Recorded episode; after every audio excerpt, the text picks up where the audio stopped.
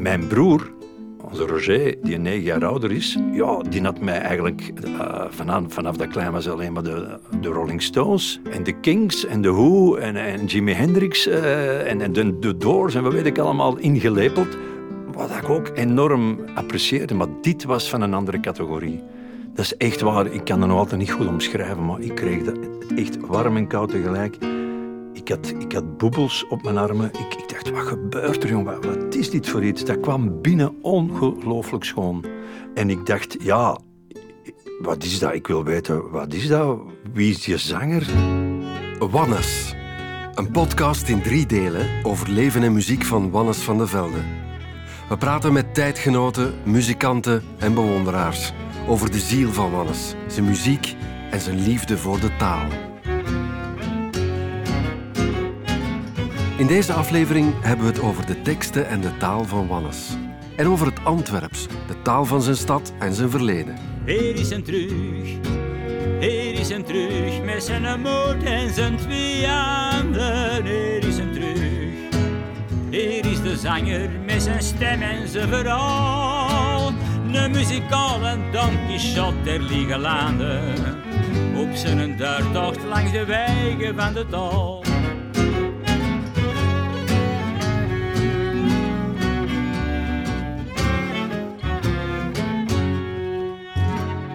Heb Wannes ontdekt toen ik een jaar of veertien was. Dus in 1973 in, hoorde ik een lied op de radio. Maar ik was eigenlijk zo, ik was met iets anders bezig. Ik was zo half aan het luisteren naar de radio en ik werd aangezogen door een melodie en door een stem. En dat was Wannes van der Velde, die zong het lied Beverlo. En ik dacht, ja, wat is dat? En een radio wel luider gezet en echt mijn oor aan, aan, aan, aan die box zo. Zo'n paspartout boxje. En uh, ik was totaal van mijn melk.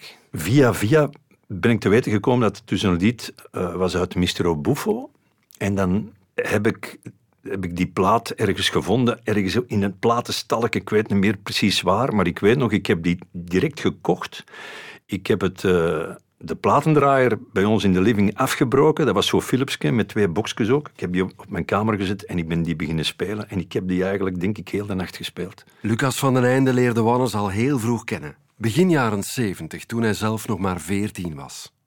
Maar de muziek van Wannes heeft hem nooit meer losgelaten. En de jaren erop gaat hij vaak met vrienden naar concerten kijken. Ik was altijd geladen na, na een optreden van Wannes. En dat had heel veel te maken natuurlijk met zijn muziek en met zijn teksten vooral. Maar ook zijn verschijningen, zijn, zijn, zijn manier hoe dat hij dat uh, performde. Hè, hoe dat hij op het podium stond. Hij stond met zijn, met zijn teksten, met zijn liedboek. In zijn linkerhand stond hij te zingen. En die had een zonnebril op, een Ray-Ban. Want, want die kon niet goed tegen dat licht. En dan zong die een echt ja, volksmuziek.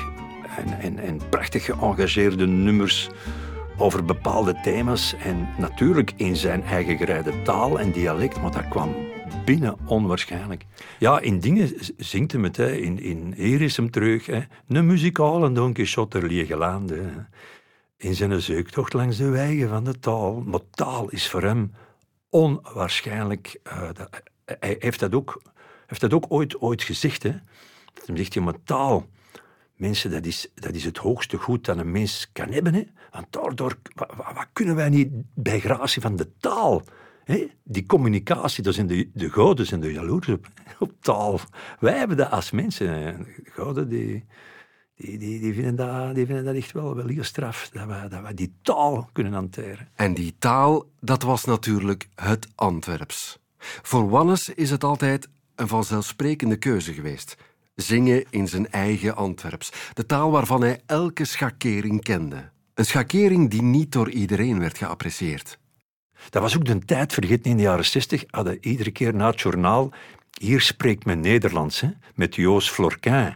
Hè, en met die, die Duitse scheper die er op de grond lag. En dan werd er mooi gepraat over hoe een bepaald woord werd uitgesproken. Hè.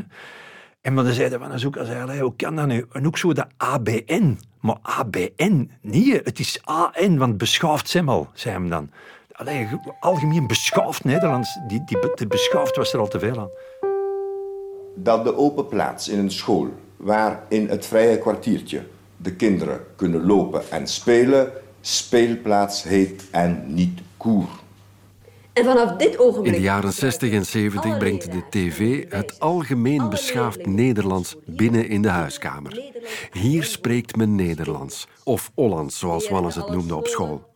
Aan het dialect wordt de oorlog verklaard. Elke dag krijgt het volk strenge lessen in ABN om de verderfelijke taal van de ouders en grootouders af te leren. De authenticiteit van de Wannes maakte ook dat zijn taal ook authentiek was.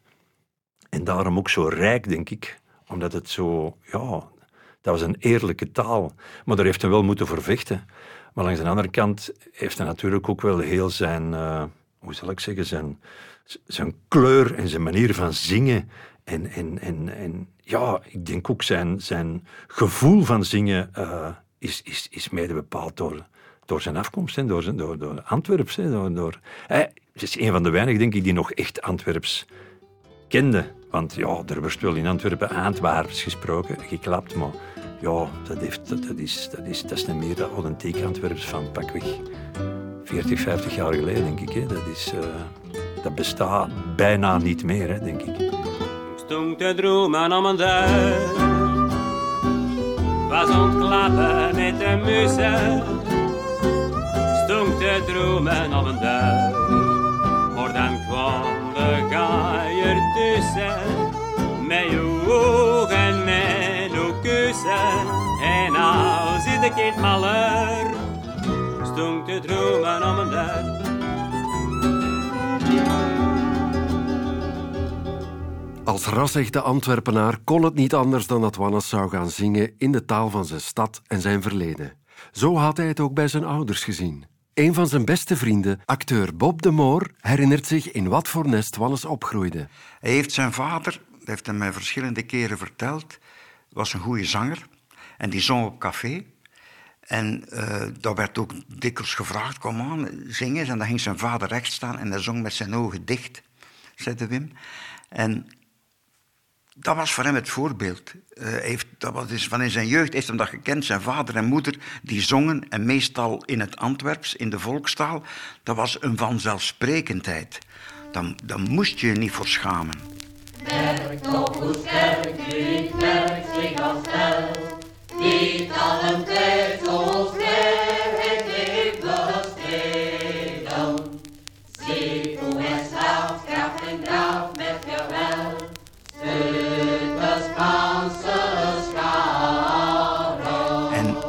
als echte ras Antwerpenaar had hij een enorme blik op de wereld. Hij was dus een kind van de haven, dat mogen we nooit vergeten. Een haven, toen nog iets dichter bij de stad dan nu, waar heel de wereld aan meerde. Waar dus uh, Chinezen kwamen, waar uh, Afrikanen kwamen, noem maar op.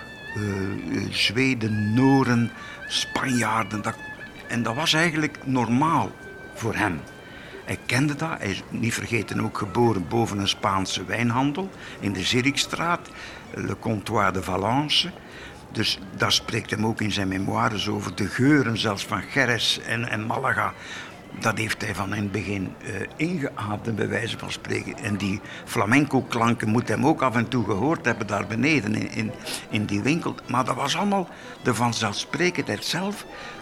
Vanwege het feit dat dat een Antwerpenaar is. Dat daar eigenlijk ook heel die wereld constant aanwezig is. En men spreekt Antwerps, zoals men Engels spreekt, Duits. Men past zich aan naar gelang de mensen die men tegenkomt. En Antwerpen de volkstaal, zal ik het nu maar noemen, is de voertaal. We veren voor een zeemansprei over de Zelte Zee. Al er nooit geen vrouwen mij over de Zelte Pijkel zie je, over de Zelte Zee. Via de Antwerpse haven komt de hele wereld binnen. Mensen in alle kleuren en met alle talen. In dat Antwerpen wordt in april 1937 Wannes geboren. Volgens het gemeentehuis heet hij Willy maar zijn ouders noemen hem al snel Wim. En wij kennen hem als artiest natuurlijk als Wannes. In zijn eerste jaren woont de kleine Wim met zijn ouders boven een Spaanse delicatessenzaak. Maar tijdens de oorlog komen ze terecht boven Café Cécile. Zij woonde boven een café in het centrum van Antwerpen, boven Café Cecile, wat nog bestaat trouwens, het heet niet meer zo. Eh, maar zij woonde daarboven en het was het stamcafé niet alleen van vader, maar van, van, van de, het hele gezinnetje, want ze waren maar met z'n drieën, vader, moeder en Wannes was dan enig kind. De man die je hoort vertellen is Dree Peremans. Hij heeft urenlang met Wannes van de Velde gesproken. Eerst voor radio-interviews en later ook als vriend. En vader was daar een, een eh, gerenommeerd en een gereputeerd zanger. Ook moeder, eh, vader zong, zong vooral de socialistische strijdliederen die Wannes later ook geleerd heeft. En moeder was meer het, eh, ja, de, de, de, de, de hits van die, van die jaren, hè, van de jaren 30, 40, dan begin jaren 50 nog. Heel de familie langs vaders kant, grootvader, was een, een geliefd zanger. Socialistische liederen. Wat nu vervallen is tot smartlappen, die verhalende liederen uit het leven van de werkman. Mijn overgrootvader moet ook muzikant geweest zijn, moet accordeon gespeeld hebben en gezongen. Dus. En vader zelf ook, die was in, eh, in het café ook een eh, gegeerd zanger. Die was ook specialist van socialistische liederen. Dus ik herinner me dat van zo de jaren tijdens en, na de oorlog. Dat werd zelf gezongen. Dus er werd, gevraagd, ah, hij zingt de leukenis. Hè. Zeg, kom on. Jacques. Mijn vader heet Jacques dus. Hè.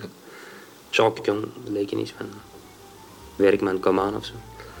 Bon, dat werd dan voorgedragen. Dus, hè. Er was dus stilte, daar werd geluisterd, daar werd zelfs geweend.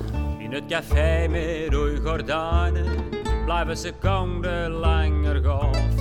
Want een horloge is er laaier en de minuten kruipen traag.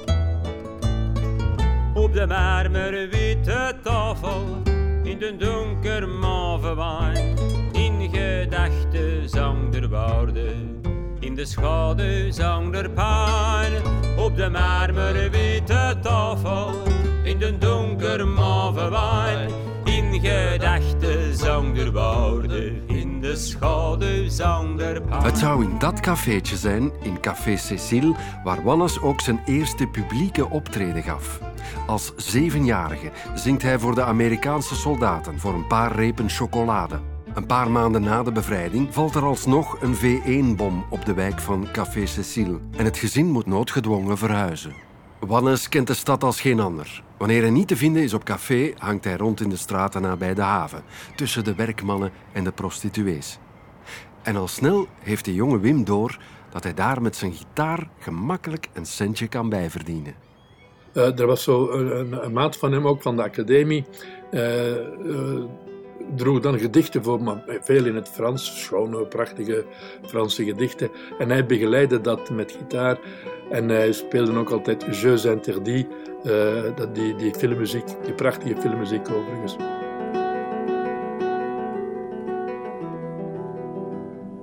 En dat maakte indruk natuurlijk. Hè. En eh, in een van die eh bordelen, cafés met maskers heette dat. Hè. Eh, kwamen zij dan eh, als, als eh, heel bedeesde jonge lui, eh 18, 19, misschien 20 jaar. En die, die, madame van die cafés, die maskers van die cafés, vonden dat natuurlijk prachtig. En die spoorden dan ook eh, de klanten aan om die jongens eh, fatsoenlijk te belonen. Zo van, geef die man eens duizend frank. Eh, en dan gingen die ja, op zo'n avond buiten met 5.000, 6.000 frank op zak. Wat in die periode, begin jaren 50, eh, een behoorlijke vergoeding was. Wannes is als tiener volop bezig met gitaarspelen. En een van de leraren die op zijn pad komt is Frans van Haver.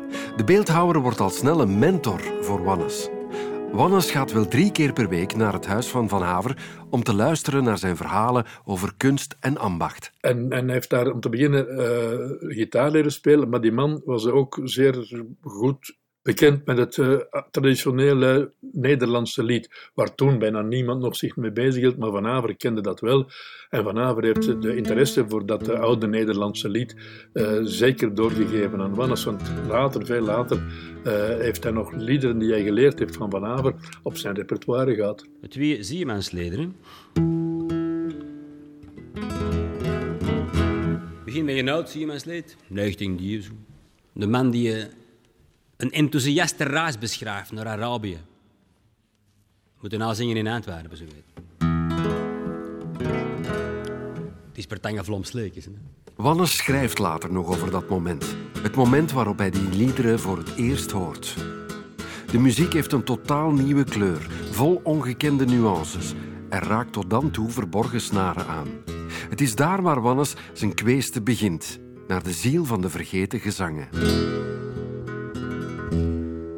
Mijn 18 jaar heb ik mijn land verlaten. Ik deed een reis aan naar een vreemde kust. Want in mijn land daar vang ik geen boten. En in het verre bestaat er al mijn lust. Ik kon aan boord met al die vreemde lui.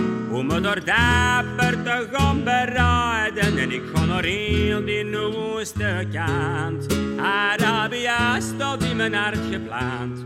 De wind die zal langs Noetong waken.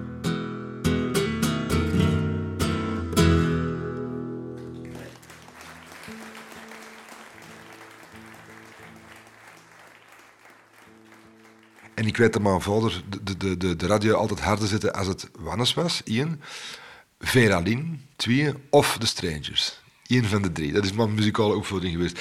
Maar dan jaren later heb ik, heb ik uh, Wannes uh, leren kennen in, in hoogstalige personen. Dat was uh, een, een wereld die open ging. Een hele speciale mens. Axel Peleman is net als Wannes een ras-echte Antwerpenaar. Maar hij is ook 30 jaar jonger en vooral een ras-echte rocker. En toch kreeg hij ook de roeping om volksliedjes te gaan brengen in zijn eigen taal, het Antwerps. Uh, tot mijn grote verbazing ben ik toen volksliedjes beginnen verzamelen. Uh, en uh, tot mijn grote verbazing ben ik naar het stadsarchief geweest van Antwerpen. En daar hadden ze van op muziek, hadden ze letterlijk, als shit you not, drie partituren van een 100, 150 jaar oud. De box van het volledige werk van de Strangers en voor de rest niks.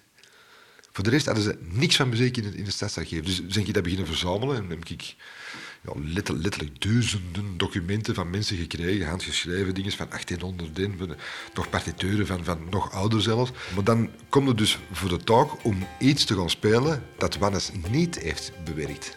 En dat moet toch dat verdomme al vaar gaan zoeken. Dan heb je echt effectief al duizenden partituren nodig om uit te kiezen. Want, en straffen is natuurlijk, hij is mij al best wel gaan lopen. Er wou een boer ter paardenmarkt gaan. Gillen, lil en delen, de paardenmarkt die was gedaan. Gillen, lil, puil en pil, krasten ligt door ten telen. Uh, die mensen die ik zijn gaan interviewen voor die volksliedjes, die hadden thuis een piano staan. De, de, de zoon speelde cello. Allee, cello was wat duur, pakte een violetje. Daarna speelde een trompet. En, uh, en die familie, die, die was ook die, die hadden ook de nonkels en de tantes en de grootvader en de, de, de, de, de moeder vader hadden ook hun eigen nummers die elke keer als er een, een speciale gelegenheid was, dan werd dat gezongen. Het is ermee dat die mensen ook zo al die nummers gewoon van buiten kennen, omdat die gewoon heel hun jeugd niet hadden gehoord als... Allee, bij kerstmis, de moeder zingt er aan nummers, de vader zingt aan nummers, de met mij zingt een nummer, een duet met, met de onkel en, enzovoort. Maar dat werd elke kerstmis gedaan. Dat was niks anders. Dus uh, dat moet dus gewoon een zijn geweest. Wanneer Axel in een huiskamer Wannes aan het werk ziet, valt plots het besef wat een klasse muzikant Wannes is. Als Wannes alleen bezig was, en vooral als, hem, als, je mocht, als, als hem liet doen, dan viel me pas op hoe een, knappe muzikant dat vaardig was. Want hij is een goede songschrijver, hij is een maar de, de, de, bewerkingen dat hem doet, oorlogsgelieden van, van, van, van Bob Dylan, is fenomenaal. Vind ik, vind ik fenomenaal. Is, is, uh, je moet dat niet zeggen over Dylan, maar is het, is het um, origineel waardig? Wat je van weinig cover kunt zeggen natuurlijk. En dan heb ik hem zien spelen voor 15 man en dat was uh, ja, indrukwekkend. Weer heel die living, dat was, dat was volledig... De, de, de, de, de ruimte was gevuld met Wannes. Wannes was er en Wannes was de kamer. En de rest mocht blazen dat ze er uh, aanwezig waren.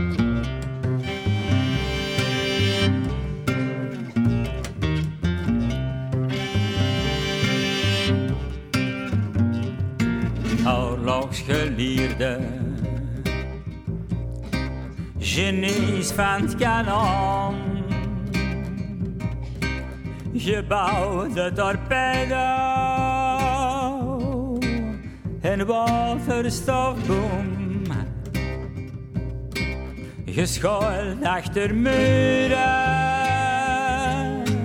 en achter papieren. Maar ik ken alle keuren, hoe stalen manier.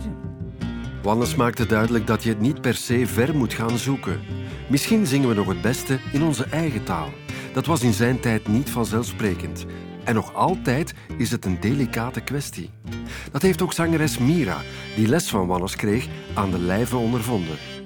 Toen wij op studio de opdracht kregen, dat was elk jaar opnieuw Van het eerste jaar dat je daar zat, kreeg je de opdracht van ja, je moet in het Nederlands schrijven. Je mocht in je vrije tijd zoveel schrijven in het Engels, want iedereen, bijna iedereen schreef in het Engels op dat moment. Je komt daar binnen als 18-jarige of iets ouder soms en je, je wilt, of ik wilde echt wel met mijn muziek de wereld rond. Ik dacht, ik schrijf in het Engels, want hè, dan kan iedereen mij verstaan. Oké, dan krijg je die opdracht, je moet in het Nederlands schrijven. Iedereen zit dan aanvankelijk in zak en as. Oh my god, hoe gaan we dat hier doen? Want Nederlands is toch zo moeilijk. En dan voelt je ook dat mensen in mijn, van mijn generatie waren heel erg aan het zoeken naar hoe kunnen we dat doen op een manier dat dat toch natuurlijk aanvoelt. Uh, want het algemeen Nederlands voelde voor ons op dat moment helemaal niet natuurlijk aan. En toen deden heel verschillende van mijn van studiegenoten uh, de oefening om in, om in een verkavelingsvlaams te zingen. Dus eigenlijk een soort tussentaal. En ik ook. Ik ben dat ook beginnen doen. En uh, dat was voor ons allemaal echt de normaalste zaak van de wereld geworden.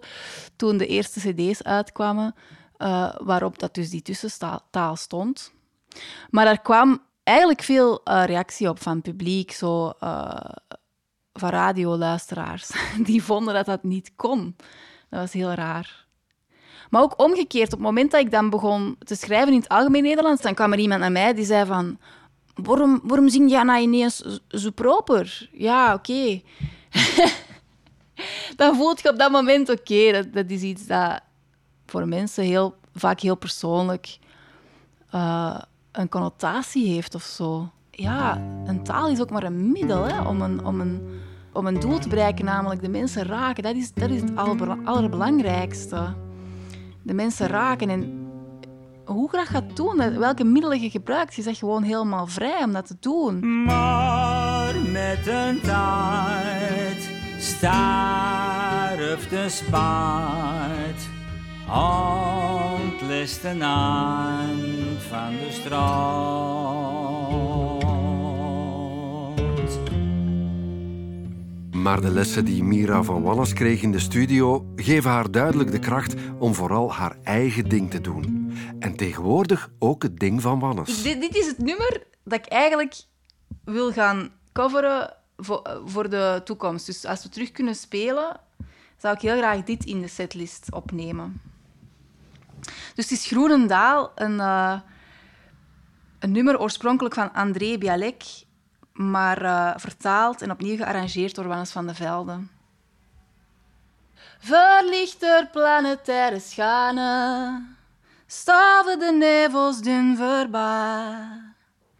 In den depot slapen de treinen. Dat is echt... Ah, mijn Mira, maak het je gemakkelijk ander. Verlichter planetaire schane stuiven de nevels dun voorbij. In den depot slapen de treinen. Lanterens waken, zij on zij. Dan reist de maan boven de bomen. Lekker horloge zonder tijd. Ze peilt de schade van ons dromen. Zonder plezier en zonder spijt. Tout est désert, tout est normal. Die lam en gare de Groenendaal. Die muziek is iets die, die in periodes van mijn leven altijd, sommige periodes heel aanwezig is. Dan laat ik het weer even los en dan komt het altijd wel terug. Maar het is iets, het is, tijdloos, die muziek. Een aantal songs zijn, zijn gelegenheidssongs, zijn echt, over specifieke momenten geschreven. Maar uh, ja, heel veel van zijn poëzie is, is zijn reizen. Het is gereisd erin. Je, je kijkt even door zijn ogen naar de wereld en dat is zo'n rijke manier, zo'n geraffineerde manier van kijken. Dus, uh... Door dat zingen in zijn eigen taal weet Wannes een eigen wereld en een eigen blik over te brengen op zijn luisteraars. Ook Stef Camille Carlens ziet zichzelf nog regelmatig verdwalen in de liederen en teksten van Wannes. Wacht, ik had hier een heel schoon... Uh...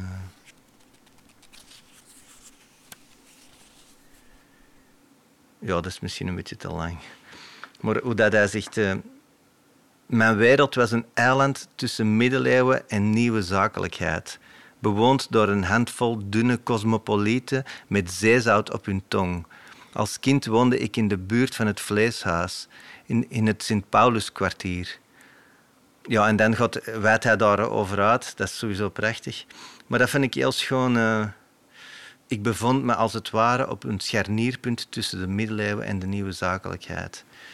Dat, dat vond ik heel schoon. Uh, omdat hij spreekt ook over die buurt als een, een buurt met heel veel samenhang. Een volksbuurt waar... Uh, ja, waar toch een specifieke cultuur uh, leefde. Het is zich weerspiegeld ook in zijn dialect, denk ik. Uh, mijn grootmoeder sprak ook nog dat, dat soort Antwerps. Echt dat, want ik heb ook een, een Antwerpse tongval, maar die, dat echte pure Antwerps, dat, dat was een taal, een heel rijke taal, vol, vol prachtige beeldspraak. En dat geldt voor elk Vlaams dialect, denk ik, elk Europees dialect waarschijnlijk. En uh, ja, de, de, de cultuur en de ziel van de mensen was weerspiegeld in dat, in dat dialect. Dat is een van de dingen die hem typeert. Uiteraard is die liefde voor die stad. Voor Antwerpen sowieso, maar voor de stad in het algemeen. He. Dus de stad als in, in zoveel facetten heeft hij die beschreven ook Charleroi, dat, dat, nummer Charleroi, als je die stad Charleroi zelf binnengaat, wat op zich eigenlijk een heel schoon stad is. Hè. Dat centrum is heel schoon van Charleroi. Met die, met die, met die bomen, met die die er nog liggen. En, uh, maar, maar als, je, als je van de autostrade afrijdt en je rijdt Charleroi binnen, dan kom je eerst langs al die, die, die, die ja, niet ruïnes, maar al die ja, soort spoken uit het verleden die daar staan. En dan stilaan kom je in de kern terecht. Maar hoe dat, dat, dat zo schoon beschrijft, het zijn raar woorden voor te gebruiken, maar die, dat, is, dat, dat, dat, is een reus. Hè? En een reus die blijft groeien. Hè?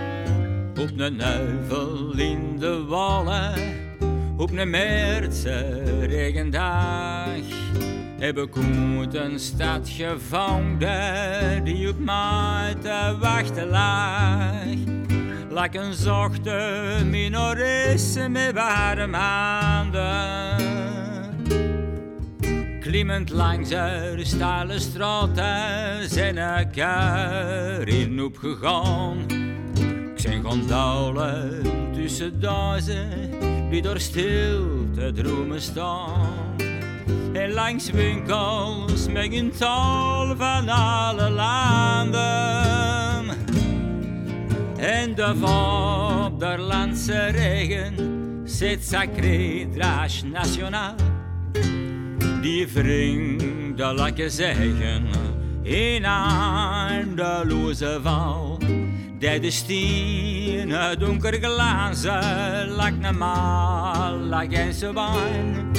Witte wolken flarden flirten met de taurus van de maan. Dit was Wannes, een podcast van Radio 1 en Museum Vleeshuis Antwerpen.